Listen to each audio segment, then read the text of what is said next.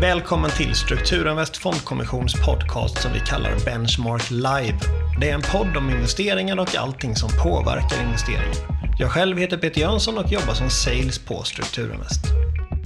Strukturinvest Fondkommission är ett värdepappersbolag under Finansinspektionens tillsyn som arbetar med finansiella placeringar, förvaltar blandfonder samt hedgefonder och har en marknadsledande depåplattform där bolagets kunder kan handla det mesta som är börsnoterat såsom aktier, fonder och ETFer. De olika instrumenten går att förvara i en ISK, försäkring eller vanlig värdepappersdepå. Strukturinvest Fondkommission har idag cirka 13 000 kunder som tillsammans har ungefär 14 miljarder kronor på sina depåer hos bolaget. Välkommen till avsnitt 3 av Benchmark Live. Eh, idag gästas vi av Sean George som är förvaltare på Hamiltonian Global Credit Opportunities som är en av Sveriges eh, enda kredithedgefonder kan man väl säga. Ja, det stämmer. Det, det, finns två andra, men ingen som jobbar som vi gör. Nej. Hur har sommaren varit? Välkommen hit. Ja, det var bra. Det har inte varit en normal eh, svensk sommar för mig i alla fall. Eh, eh, det har varit väldigt, väldigt mycket jobb. Vi har haft kommit av juli månad som var näst bästa månad upp nästan 1,8 procent. Och så har vi startat augusti upp rätt mycket här. Så att kan ju säga att eh, förra veckan var en av de mest intensiva veckorna jag faktiskt varit med om. Eh, det slutade med att marknaden var fokuserad på kinesiska yuans eh, valutapris.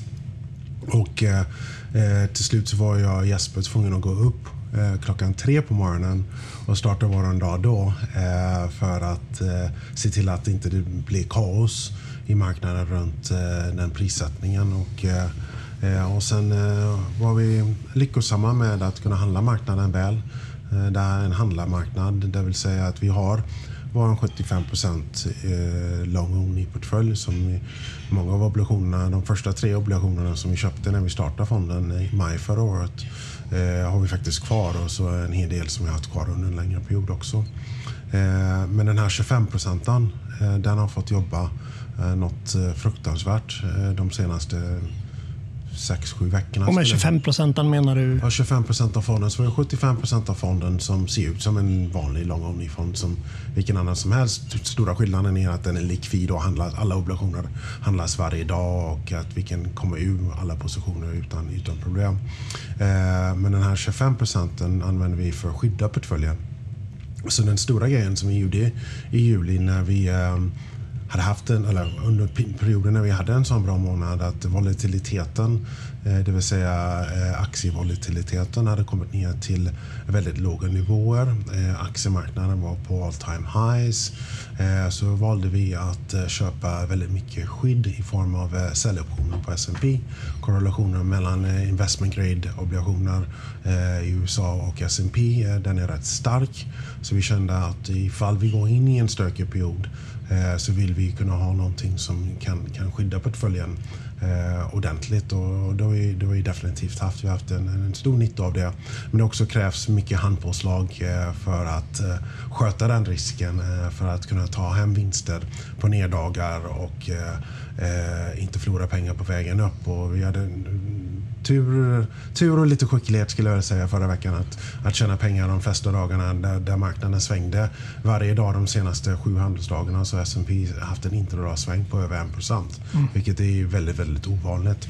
Eh, och vi har lyckats få den eh, alla de här dagarna eh, till portföljen. Inte fulla 1 procent såklart. Men den hedgen som vi har haft på. Så att vi, vi tjänar pengar på neddagar och vi tjänar pengar på uppdagar. Och det är inte alltid så men vi, vi tar det när vi kan få det. Mm.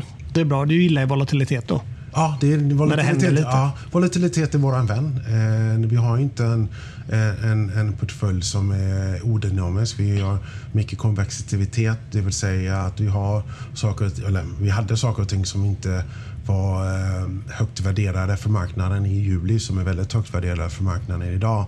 Eh, och det kostade inte oss någonting på vägen upp men nu på vägen ner så eh, ger det fruktansvärt mycket skydd in i portföljen De flesta vet säkert vem du är. Men jag tänkte innan vi gick in på fondens utveckling och vad ni gör och så vidare så tänkte jag att vi skulle börja med att bara snabbt förklara hur man får ett jobb som hedgefondsförvaltare inom krediter. Aha. Vad måste man ha gjort innan i livet innan man når den positionen? Ja, man måste ha tagit ett sabbatsår och åkt till Aspen och varit ett servitör och fått rätt personer vid sitt bord. Det var, ja, var, det, så, var det så det började? Det var så det började. Aha. Eh, jag tog ett år ledigt mellan äh, gymnasiet och högskolan och så åkte jag till Aspen. Jag älskar att åka snowboard.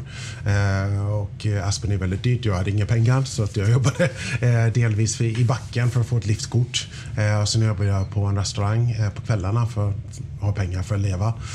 Och så en kväll kom det in ett bord med killar från Wall Street. Och, de frågade vart de skulle gå efter de var klara. Och det var en tidig skift för mig så att jag följde med dem ut. Och sen var de där en långhelg var de.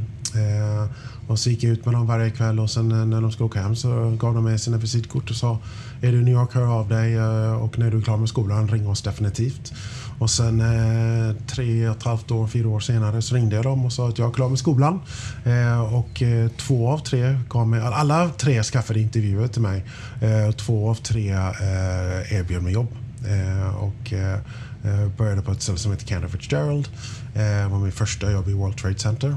Och sen, eh, sen var jag lite på eh, förvaltarsidan i ett par år och sen var jag, bytte jag tillbaka till banksidan. Eh, huvudsakliga rollen var jag Global Co-Head of CDS Trading i finanskrisen på Bank of America. Eh, satt på eh, nästan en och en halv triljon dollar med eh, derivatrisk. Man var det sådär. In i en finanskris med så mycket risk på. Och sen, sen var jag på några andra banker, Deutsche Bank och Jefferies. Och sen, ehm, sen när livet, att min exfru ville flytta tillbaka till Sverige och eh, sen blev jag erbjuden ett jobb för Head of Trading på ehm, Eh, HSBC London och erbjuden eh, det här jobbet och komma till eh, Strukturinvest och starta en kredithedgefond. Och det här var ju mycket närmare min dotter och någonting nytt. När man har gjort någonting i över två decennier så vill man kanske testa sig på lite andra grejer och valde att göra det här. Och det har varit fantastiskt spännande tid att starta en hedgefond. Alla månader är inte som juli. Eh, Nej. Men, eh, men det är en spännande tid i varumarknaden. Nu, nu har den här den stora bullrun kanske tagit slut. Och det, det för med sig konsekvenser. Eh, bubblor lite här och där i, i, runt om i världen. Så att, ja, väldigt spännande tid att driva en hedgefond. Det förstår jag. Så sammanfattningsvis, att få ett sånt här jobb, det är ju träffa rätt personer, ja. jobba som ett djur i 20 år ja. och sen är du där. Ja, precis. Sen, man måste vara duktig. Jo, 20, 20 precis. Annars får du inte jobba i 20 år. Nej, nej, nej, nej. det är någon annan som biter upp dig. Så Hamiltonian, då, vad är det för typ av fond? Vad är det för byggstenar? Du nämnde den innan, 75 long-only obligationer som en vanlig företagsobligationsfond. Ja. Och sen är det 25% för att skydda dig. Mm. Är det egentligen liksom basen till alltihop? Ja, en förenklad version av det är det, är det så. Så att vi har obligationer som, som vi gillar, som vi försöker få en eh, yield på någonstans runt 5-6 eh, när vi ligger i en oskyddad position.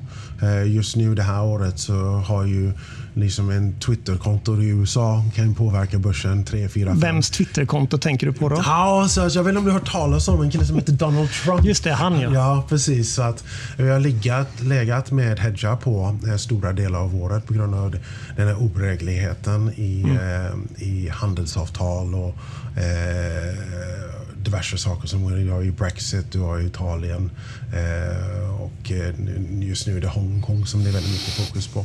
Så, vi har legat, så var vi ute och strukturerat en portfölj i år där vi har eh, utgått från en, en, en, scenario som har börjat spelas ut väldigt mycket nu.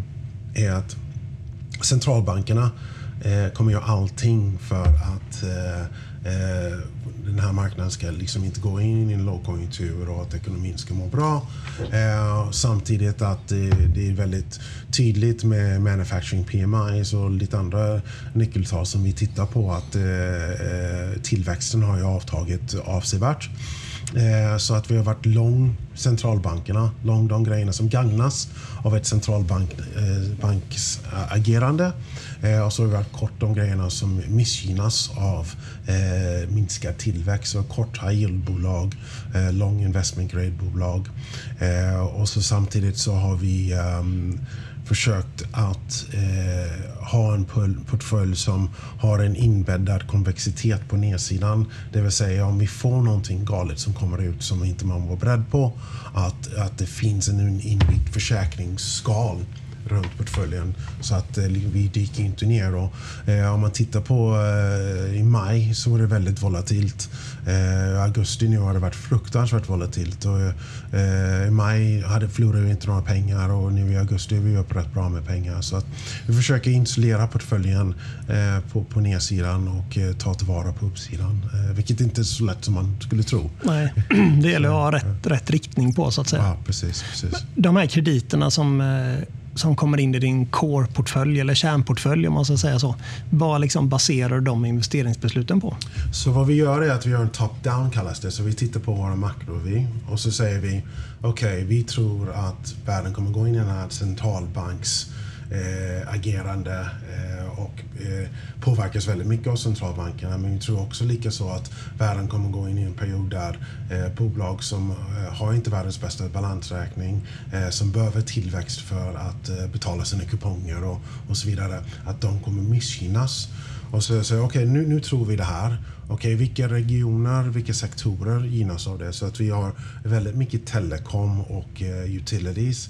Så att väldigt stabila defensiva bolag. Som, det finns ett program som heter CSPP, Corporate eh, Sector Purchase Program, eh, som eh, ECB använde i förra krisen för att stödja marknaden för att få ner räntorna för bolagen, för att bolagen ska kunna fortsätta investera, anställa mer folk och på så, på så sätt få tillväxt. Så vi tittade på kriteriet Eh, vad, vad behöver det vara för sorts obligationer? Vad är det för sorts bolag eh, som, som får, kommer in i det här kriteriet? Och då valde vi en korg eh, av de här CSP-obligationerna som vi har på långsidan. Och så gick vi och sa, okej, okay, vad är det för bolag som vi tror missgynnas av det här? Eh, om vi går in i lågkonjunktur både i USA. Ett väldigt enkelt, det är retailers i USA. Så vi har Nordstrom, ett stort eh, eh department store i USA som är kort. Eh, vad missgynnas i Europa? Lufthansa är inte high yield, men okej, okay, Tyskland har det svårast nu från en låg, eh, lågkonjunkturperspektiv. Eh, deras eh, eh, tillverkningssektor går inte bra, bilsektorn har det tufft, Dieselgate och massor med grejer. Då valde vi att blanka eh, Lufthansa. Eh, Annat tyskt bolag, inte att vi har någonting emot Tyskland per se, men deras ekonomi går dåligt. Men Beijer, de har en jättestor stämning i USA. Där de har, det är kemibolaget. Ja, precis. Och de har ju sålt en produkt som heter Roundup som eh, har bevisat att den, den skapar cancer. Eller bevisat, bevisat. Domstolen säger att det är bevisat att den skapar cancer. Så att de bokstavligen är förmodligen döda människor. Så att vi valt att blanka det. Och också att de påverkas ekonomin och är tyska. Så att, och sen på långsidan så har vi alla de här CSPP eh, och sen har vi lite eh, andra utilities och så vidare och telekom som, som inte passar in i CSPP men är också bra långt. Så det betalar din elräkning oavsett vad, vad, vad som händer i ekonomin. Så, att, eh, så mer, mer defensiva ja. företagsobligationer än offensiva egentligen? Ja, precis. Och, sen, och de som skulle egentligen vara offensiva är de som vi har blankat. Mm, ja, just det. Vilka risker gillar du att ta i fonden? Kreditrisk förstår jag att du gillar för det är det ni tjänar pengar på. Ja. Vad tar ni med? Tar ni valutarisk, ränterisk, durationsrisk? Ja, vad finns det mer? Liksom? Det finns ju massor med ja, risker. Så vi, vi köper inte enskilda aktier. Nej, eh, precis. Eh, vad vi gör är att vi köper eh, eh vi ställer aldrig ut optioner, vi säljer inte optioner. Vad vi gör är att när optioner är billiga så älskar vi att köpa eh, billiga eh, out of the money eh, säljoptioner på S&P bara för att eh, europeiska och amerikanska eh, optioner är strukturerade på ett lite annorlunda sätt. Mm. Eh, men vi älskar att eh, köpa eh, köper dem när de är billiga för att skydda portföljen. Eh, vi, vi tar bara kreditriskpremie, vi tar ingen ränterisk. För att ge en exempel, den tyska tioåriga statsobligationen, om, om du köper den så förlorar du 0,6 procent Eh, Eh, per år i tio år. Eh, det, tycker vi inte är en särskilt bra affär. Eh, så att vi köper bara företagsobligationer och så hedgar vi ut den här ränterisken. Vi tar ingen FX-risk så att vi hedgar ut både, vi köper inga svenska, vi kan köpa svenska obligationer men vi köper inga svenska obligationer. Vi köper bara europeiska och amerikanska obligationer av två anledningar. Ett, det är mycket större marknad så att det är fruktansvärt mycket mer likviditet. Eh, två, det är oftast eh, eh, större bolag som har en, oftast en större geografisk spridning. Så att vi får mer premie, vi får mer betalt att köpa europeiska mer likvida obligationer än svenska obligationer. Så att tänk dig så här. Jag får mer likviditet, jag får mer betalt än att köpa svenska. Svenska får du mindre likviditet och mindre betalt. Så för oss är det en väldigt, väldigt enkel grej att, att köpa eh, europeiska och amerikanska obligationer. För exempel, varje dag så handlas det 30 35 miljarder dollar i eh, företagsobligationer i USA. Varje dag. I bara investment grade. Sen har du Europa och så har du high yield på båda sidor av Atlanten. Så det är ofantligt mycket större marknader. Eh, så att vi kan kliva ur. Eh, bara, vi, vi, I Sverige, hur stor är den marknaden här? Hur mycket handlas det för här varje dag? Det, jag tror inte folk vet det. Eh, det du har inte samma system för att, att kolla Nej, upp okay. det. Så att, men det, det, är inte stora siffror. Det, det, det, det, inte, jag kommer inte ihåg vad den svenska marknaden är, men det, den är väldigt liten. Mm. Uh, vi, uh, en sak som, som, som vi tycker är viktigt är att uh, vi, har, vi mäter hur många dagar det tar att likvidera hela fonden. Eh, den lägsta siffran är såklart ett, men i själva verket jag kan plocka upp telefonen och likvidera hela, eh, hela fonden på ett telefonsamtal. Mm. Det är fort. Det, det, är fort. Du, du återkommer mycket till det här med likviditeten. Varför är det så viktigt? För du, du sa eh, högre avkastning och högre likviditet. Högre avkastning förstår alla. Mm. Det vill man alltid ha. Men det här med likviditet, liksom, varför är det så viktigt? Det är så här, det är när, du, när du befunnit dig i en period där likviditet har varit väldigt enkelt. Centralbankerna, även om de har gjort eh, kvantitativa lättnader så har det ändå varit väldigt eh, eh, lätt penningpolitik under en, under en längre period. Eh, och då är det ofta att eh, folk eh, hamnar lite snett. Att, att de här mer likvida segment i marknaden, eh, det kallas style drift. Att, att jag har en företagsobligationsfond men vet du vad, jag, de här icke-noterade, mindre likvida, eh, konstiga bolag eh, som kanske inte borde finnas egentligen. Eh, man får ju mycket extra yield där. Och när räntorna är så pass låga och folk jagar yield, det är väldigt lätt att man för, eh, försaka eh, likviditet för att få den här extra yield. För alla förvaltare konkurrerar mot varandra så att de, om de får mer yield så, eh, så tror de kanske att de får mer avkastning. Men vi har haft eh, flera situationer. Förra året var det en eh, väldigt stor fond som heter GAM eh, som var tvungen att gata. Och gata betyder att de stoppar dig från att ta ut pengarna. Du får helt enkelt inte ta, ta ut pengarna. Så det är för många människor som vill ha tillbaka sina pengar och så hade de för många illikvida tillgångar. Eh, och det tog väldigt, väldigt långt innan eh, investerarna fick pengarna. Eh, och du kan tänka dig själv om alla vet att du måste måste sälja. Eh, du får inte världens finaste priser. Eh, jag kan säga att vi ägde en av obligationerna som GAM eh, ägde. Eh, och det tog mig ett par dagar innan jag fattade vad som hände. Eh, och det är liksom när obligationen bara föll handlöst. Inga nyheter ut överhuvudtaget. Det var att alla visste att de hade väldigt, väldigt mycket av just den obligationen och den var tvungen att säljas. Det var, det var en av de första obligationerna vi har köpt. Liksom vi, den obligationen tror jag att eh, sker det som vi tror med den obligationen så kan vi tjäna 1% på navet bara den dagen. Mm. Eh, så att det är väldigt mycket konvexitet i den. Så vi har kvar eh, den obligationen? Ja, fortfarande. Så att de första tre obligationerna har vi kvar. Ehm, eh, och sen så var det en annan fond som heter Buford. Nej, inte Buford. Wood, Wood, Woodside. Som hade samma problem. De hade illikvida småbolagsaktier i England. De var tvungna att gata. Eh, och sen fanns det en annan fond, eh, jättestor fond, jag tror 30 miljarder dollars fond som heter H2O.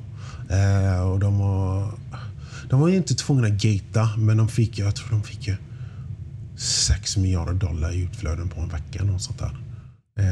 För att de hade illikvida tillgångar. Då.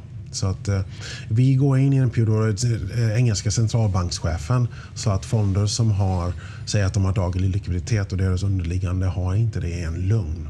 Eh, och eh, han vill göra någonting åt det här. Så att liksom när en centralbankschef kommer ut och säger någonting är en lögn, det är väldigt starka ord eh, från, från folk som inte brukar använda mm. starka ord. De försöker liksom klappa fint. och så kommer de ut ja, bättre ord, liksom ge en örfil till de som, mm. som gör det. Så att vi går in i en period där det är en turbulent marknad.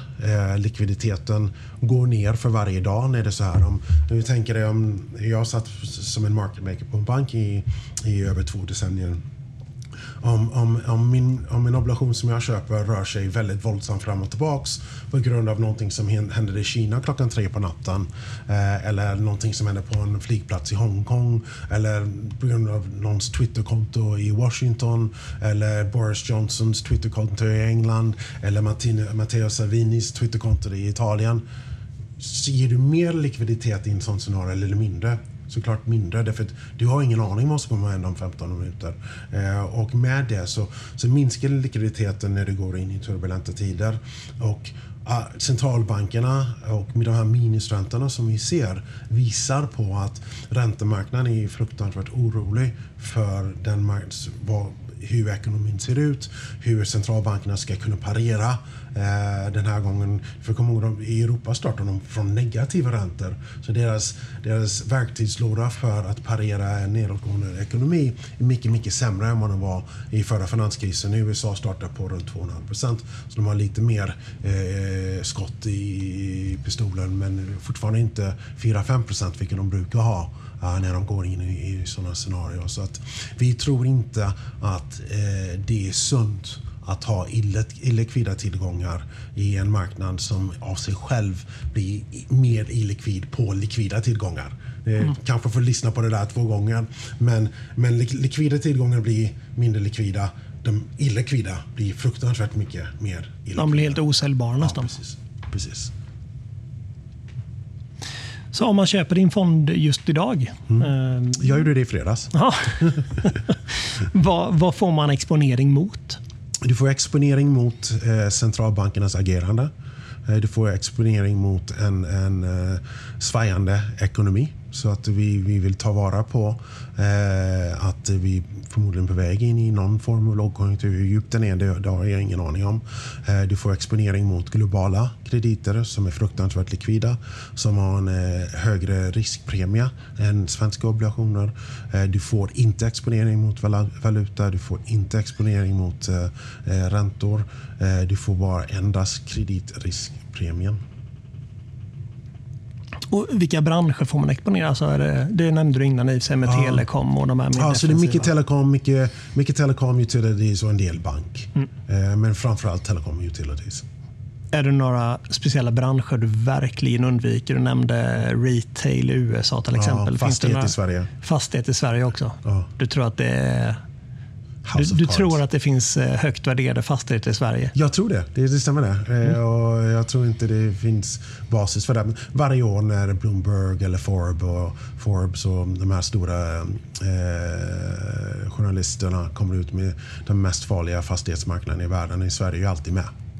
Eh, jag tror att Bloombergs var de etta förra året. Mm. Så att det, det, är Sverige, det är Sverige, Kanada, Australien som är ofta Nya Zeeland kommer upp då och då. Men Sverige är alltid med. Hongkong tror jag också. Ja, Hongkong ligger i risigt till nu. Mm. Men, men, Sverige är alltid med. Eh, så att jag tycker inte att man ska äga massor med... Men det är också det, vi tar ett steg tillbaks. Om du lyssnar på den här podden, vad är din enskild största risk eller investering som du har? Förmodligen ditt boende. Förmodligen. Ska du sen ta ditt sparande och sätta in det i fastigheter också? Det kallas inte riskspridning. Jag hade, om, om det, den, min största risk är min fastighet, då hade jag inte investerat mina sparpengar och pensionspengar i fastigheter också. Du har redan en exponering. Rimligt. Det är riskspridning. Jag skulle inte göra så med min fond. Vi är faktiskt kort fastighetssektorn. Så, rätt, så om man äger en fastighet så kan det vara bra att äga din fond för då hedgar man ut sin egen risk. Jag vet inte om det skulle kallas en hedge, men vi är kort fastighetssektorn. Ja, ja, det är bra. Det finns ju ett antal olika kreditfonder, företagsobligationsfonder, hedgefonder också för den delen att, att eh, köpa i Sverige. Vad liksom skiljer din fond från de andra i mångt och mycket tycker du? Jag ska börja från fel sida. Mm. Eh, vad som inte skiljer oss är att eh, vi äger företagsobligationer och vi försöker få en kupong och en running yield eh, som, eh, som ger en fin avkastning och jämn avkastning under året. Men faktum är att vi är inte i en period där avkastningen är jämn. Eh, så skillnaden från min fond är att vi har den här 75% av kapitalet som ligger som en bas i fonden. Men sen har vi den här 25 som vi använder för att skydda den 75 procent. Så vi spenderar mer tid på att handla runt den här 75an för att skydda den.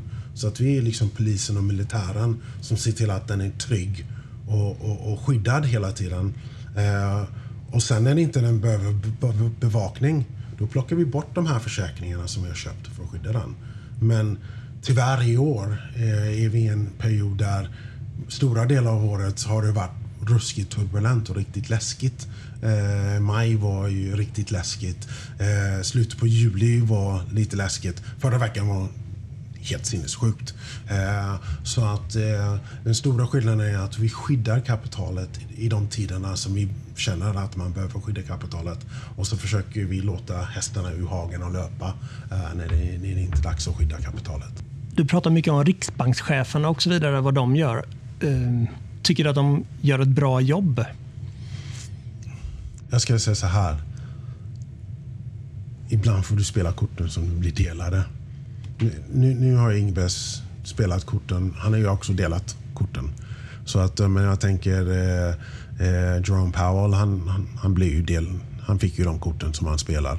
Eh, och eh, Lagarde, Lagarde eh, hon, hon blir ju delad av de här korten som hon får drag i. Så de har ju de har inte varit med i hela den svängen. Ingves har varit med i hela den svängen.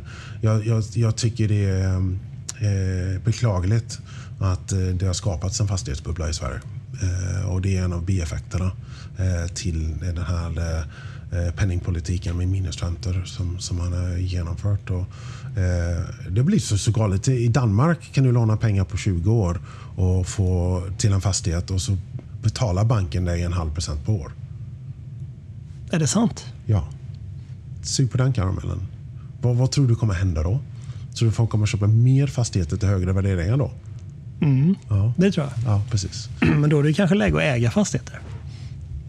Tills det är dags att inte äga och du sitter där med en 20 år lån eh, som betalar en halv procent och du har ett hus som är ner 20. Fortfarande en dålig affär. Mm, så är det ju. Eh, det är galna tider på räntorna. Mm. Tror du att räntorna kommer gå upp igen eller tror du att vi kommer vara kvar i ett Japan-liknande scenario? Det finns stora risker på att Europa är det. Eh, och det finns folk som talar att USA kommer åka dit också. Eh, men den bästa förklaringen, liksom negativt, negativa räntor är som the Death Star Vortex. När du kommer in i den så kommer du aldrig ur. Eh, så att jag hoppas verkligen inte Europa, eller USA följer efter Europa in i negativa räntor. Men risken finns. Risken finns och risktagandet blir ju annorlunda. Eh, man får ju komma ihåg liksom, i den här världen där företagsobligationer på vissa bolag är väldigt, väldigt högt värderade. Går det snett så går det ner något fruktansvärt. Och det här är inte äpplen till äpplen, men det gick snett i Argentina igår. Jävligt snett. I dollartermer så var deras aktiemarknad, så deras OMX, ner 48 procent igår. Tänk på det. Det är, en, det är en dålig dag. Är det? det är en dålig. Det är faktiskt den näst sämsta börsdag för något land sedan 1950. Eh, Vilken är sämst? Vet du eh, um, eh, Sri Lanka under inbördeskriget. Och så på tredje plats i Argentina också. Var det inte Argentina som lånade en hundraårig bond och typ betalade 5 i ränta? Eller någonting? Precis, den är, den är på 50. Så du har förlorat 50% igår på den obligationen. Så den är alltså lika volatil som aktiemarknaden ja, på en precis. dag? Det är 100 år. Ja, det är otroligt. Det, det, det är durationsrisk på riktigt. Ja, men det är liksom en obligation på 100 år och en aktie, det, är inte sån jätteskillnad egentligen. Nej, nej, nej verkligen. Ja, jag läste en rätt eh, intressant artikel. Eh, det är några actuaries som hade räknat ut actuaries är de som räknar ut hur länge du lever på ett försäkringsbolag. Här har de till en räknat ut, nej de sa det på Bloomberg så har de till en räknat ut att eh, rent i deras actuary matematik att den obligationen skulle gå i konkurs åtta gånger innan den förföll. Vänta lite. Och ändå sålde de 100 miljarder dollar av den. Ja, nej, inte 100 miljarder sålde de inte. Det är säkert 10, ska jag tippa på. 100 miljarder kronor kanske. Okay, ja, det kanske det var. Men jag tror att det var, om det var 100 de hade nominellt så var det typ 130 som ville köpa. Ja, ja. Så det fanns stor efterfrågan. Mm. Ja, det, Vilket visst. är väldigt konstigt. Ja, alltså det, det var ju, men men vad, vad det visar är liksom när det går snett i den här världen så går det åt helvete. Eh, och Det är det som är riskerna här. att När saker och ting är så hårt skruvade. Eh, nästa köpare är inte ner lite. Nästa köpare är ner jävligt mycket. Men Det bygger lite på att nästa köpare är dummare Ja, inom precis. citationstecken än vad du är på något Mm, sätt. Precis. Hoppas på Just- det bästa, Just liksom. nu är första köparen centralbanken. Nästa köpare är inte jag. Det känns väldigt skönt att veta när man lägger in fond. Om vi går in lite på de stora sakerna som styr marknaden just nu. Du nämnde ju en av dem, och det är Trumps Twitterkonto. Jag gissar på att under dina 20 år så har ju inte ett Twitterkonto styrt så mycket värden upp och ner på bara några få sekunder. Nej, Var det, hoppas 200, aldrig- var det 240 tecken nu? Det var 120 innan va? Ja, Jag vet tror att det är inte. 240 Jag, jag är faktiskt hyfsat ny på Twitter. Jag har eh, precis börjat med Vad det, heter så- du på Twitter om folk vill följa dig? Sean H. George heter jag på Twitter. Men, eh, och jag twittrar rätt mycket om eh, grejer som händer i marknaden. Så att om du följer så får du lite real time eh, insikt om vad, vad, vad, vi ser eh, som händer i marknaden. Men eh, nej, och jag tycker det är helt fel. Liksom, han ska inte twittra så mycket. Det, det skapar ju bara eh, inte det skapar osäkerhet i marknaden. Det skapar osäkerhet hos vd som ska göra långtids... eh, Det sänker tillväxten. Ja, bokstavligen rakt upp och ner. Om jag inte vet, om jag som en förvaltare vet inte vad som kommer hända om en kvart beroende på... Liksom, eh, vet du hur många gånger jag bara fan, han har vaknat nu. Jag har ju på min telefon. Det var så jag började med Twitter. Jag var tvungen att skaffa ett Twitterkonto så att jag kunde få Twitter alerts på när Donald Trump vaknade. Så jag visste vad han sa i real time. Alltså, när man får de här första när han vaknar, det brukar komma en 15 stycken typ när han vaknar. Och det är bara, åh, fan nu har han vaknat nu, liksom, nu får vi vara på helspänn. Och sen brukar det bli tyst eh, ef- efter ett tag och sen på eftermiddagen så brukar han komma igång igen. Men det, det är fruktansvärt eh, värdeförstörande.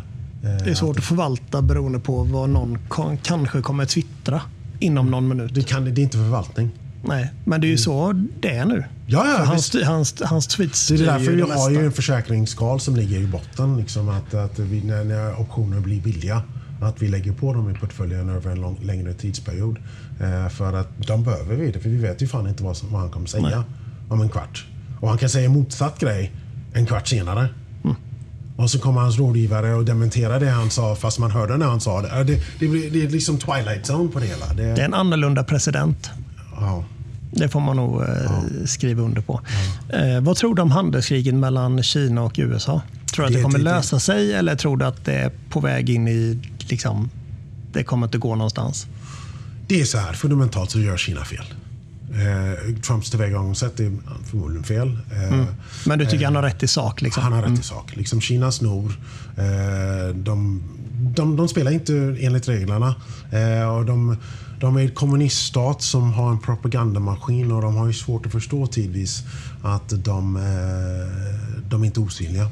Eh, och eh, vi, vi tror, även fall de gör ett avtal så kommer det vara bara kortsiktigt och så kommer det vara problem snart därefter. Givetvis skulle marknaden gå upp väldigt mycket, ett handelsavtal, men det är ett kallt krig mellan USA och Kina under en längre, under min livstid skulle jag tippa på. Och Hongkong, har det någonting med detta att göra också?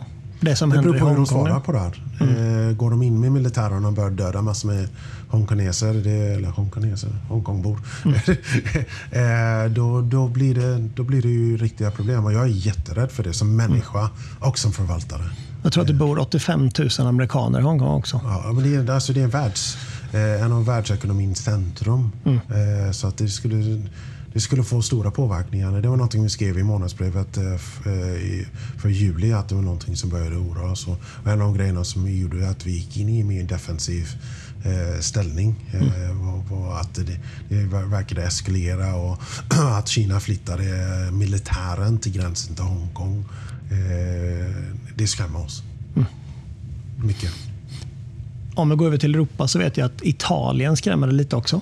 Ja, det är alltså, jag skulle säga att Italien och Brexit är två fantastiska möjligheter.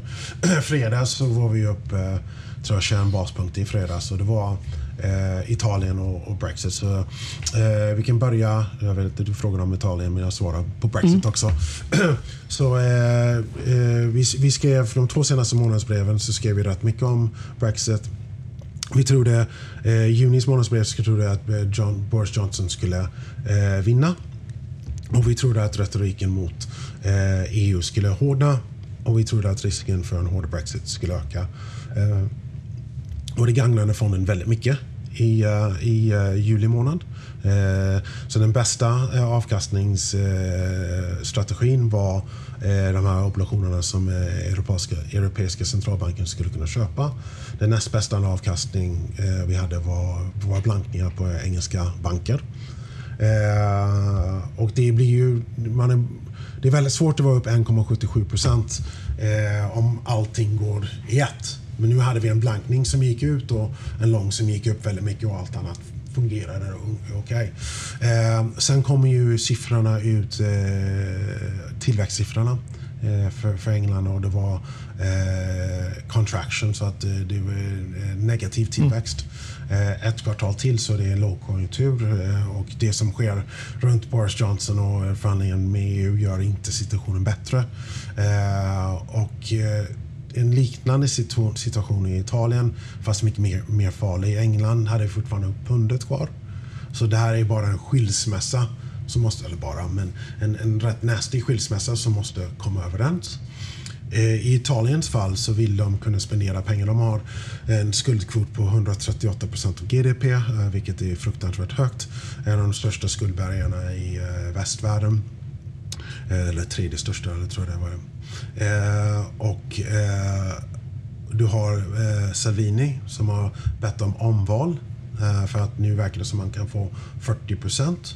Och då skulle han bli ensam premiärminister i Italien.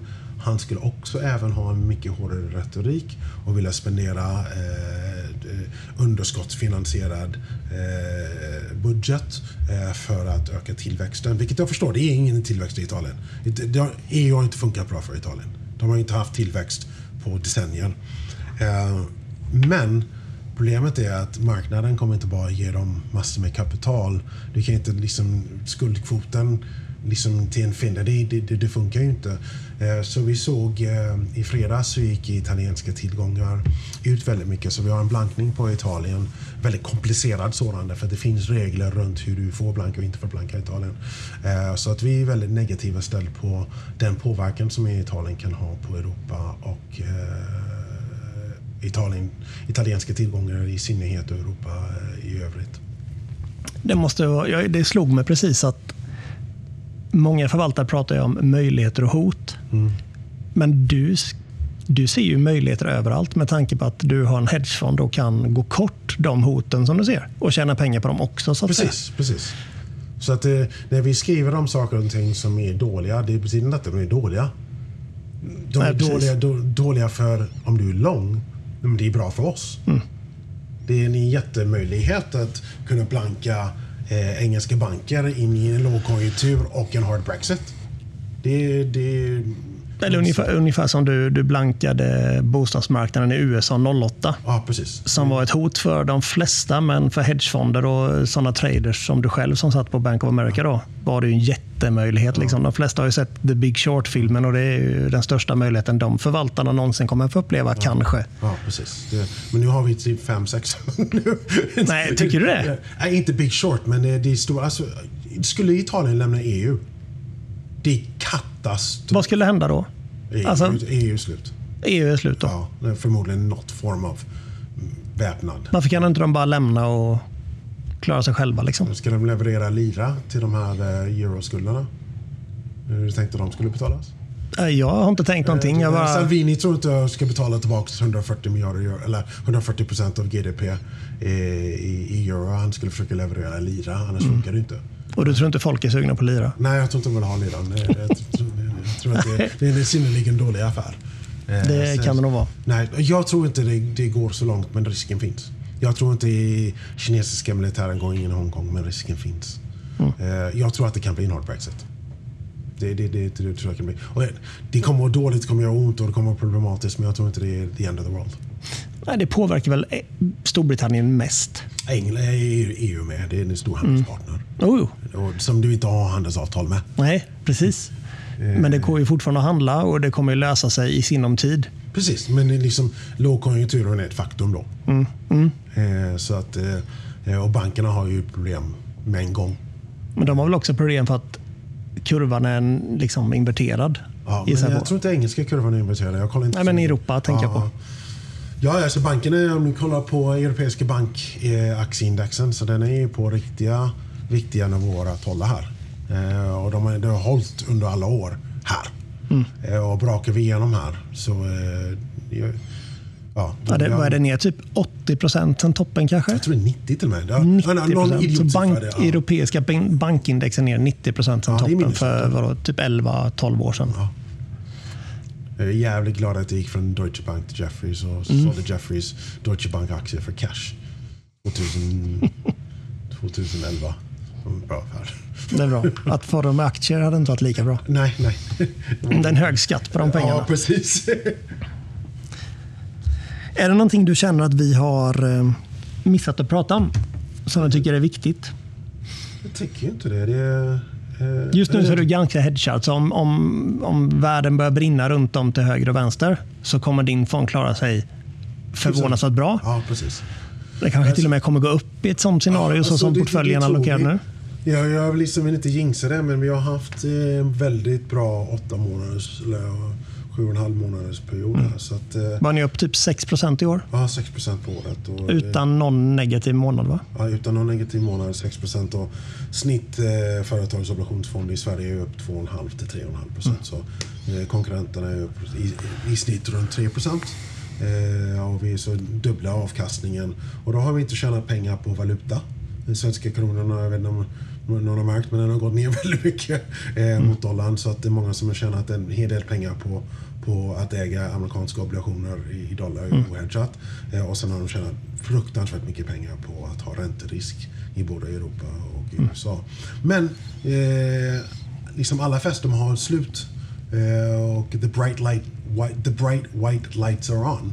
Eh, och eh, the music's not playing. Eh, så att jag tror inte jag vill sitta på väldigt mycket ränterisk nu. Jag tror inte jag vill sitta på väldigt mycket dollarrisk. Det finns två scenarier. Dollarn kan bara sticka upp i skinn och då är vi rökta allihopa. Eh, eller så kommer dollarn falla, eh, vilket är positivt för alla, men inte om du har massa valutor. Varför är vi rökta om dollarn sticker? Eh, tillväxtmarknaden, de, de funkar inte. Det, det, det, de har ju lånat väldigt mycket i dollar. Eh, så om dollarn går upp väldigt mycket mot deras lokalvaluta så blir det många eh, konkurser. Eh, och, eh, På landnivå pratar du då? Eller även företagsnivå? Ja, land och företagsnivå. Så I Kina är det fastighetssektorn som lånar mycket i dollar. Och runt om i världen är det många, många bolag som lånar i dollar, många länder som har lånat i dollar. Så att det skulle vara fruktansvärt problematiskt eh, om det hände. Det var väl ungefär de, de frågorna jag hade. Någonting vi borde nämna är klart är var kan man köpa din fond? Just det, du kan köpa fonden på Strukturinvest såklart och så kan du köpa den på Nordnet. Eh, och eh, om det finns någonstans som ni vill kunna köpa fonden så ring din säljare på Strukturinvest så ska vi prata med den plattformen för att hjälpa till. Toppen. Då tackar vi så mycket för besöket Sean. Eh, hoppas att fortsättningen på året blir lika bra som de första åt, sju och en halv månaderna. Det hoppas vi med. Det hoppas jag allihopa. Tack så mycket. Tack. Det du hört i denna podcast ska inte ses som rådgivning rörande finansiella placeringar eller investeringar, bokförings-, skatte eller juridiska frågor. Du ska inte basera dina investeringsbeslut på det som framkommit i podcasten. Kontakta alltid din rådgivare för att bedöma om en placering eller investering är lämplig för dig.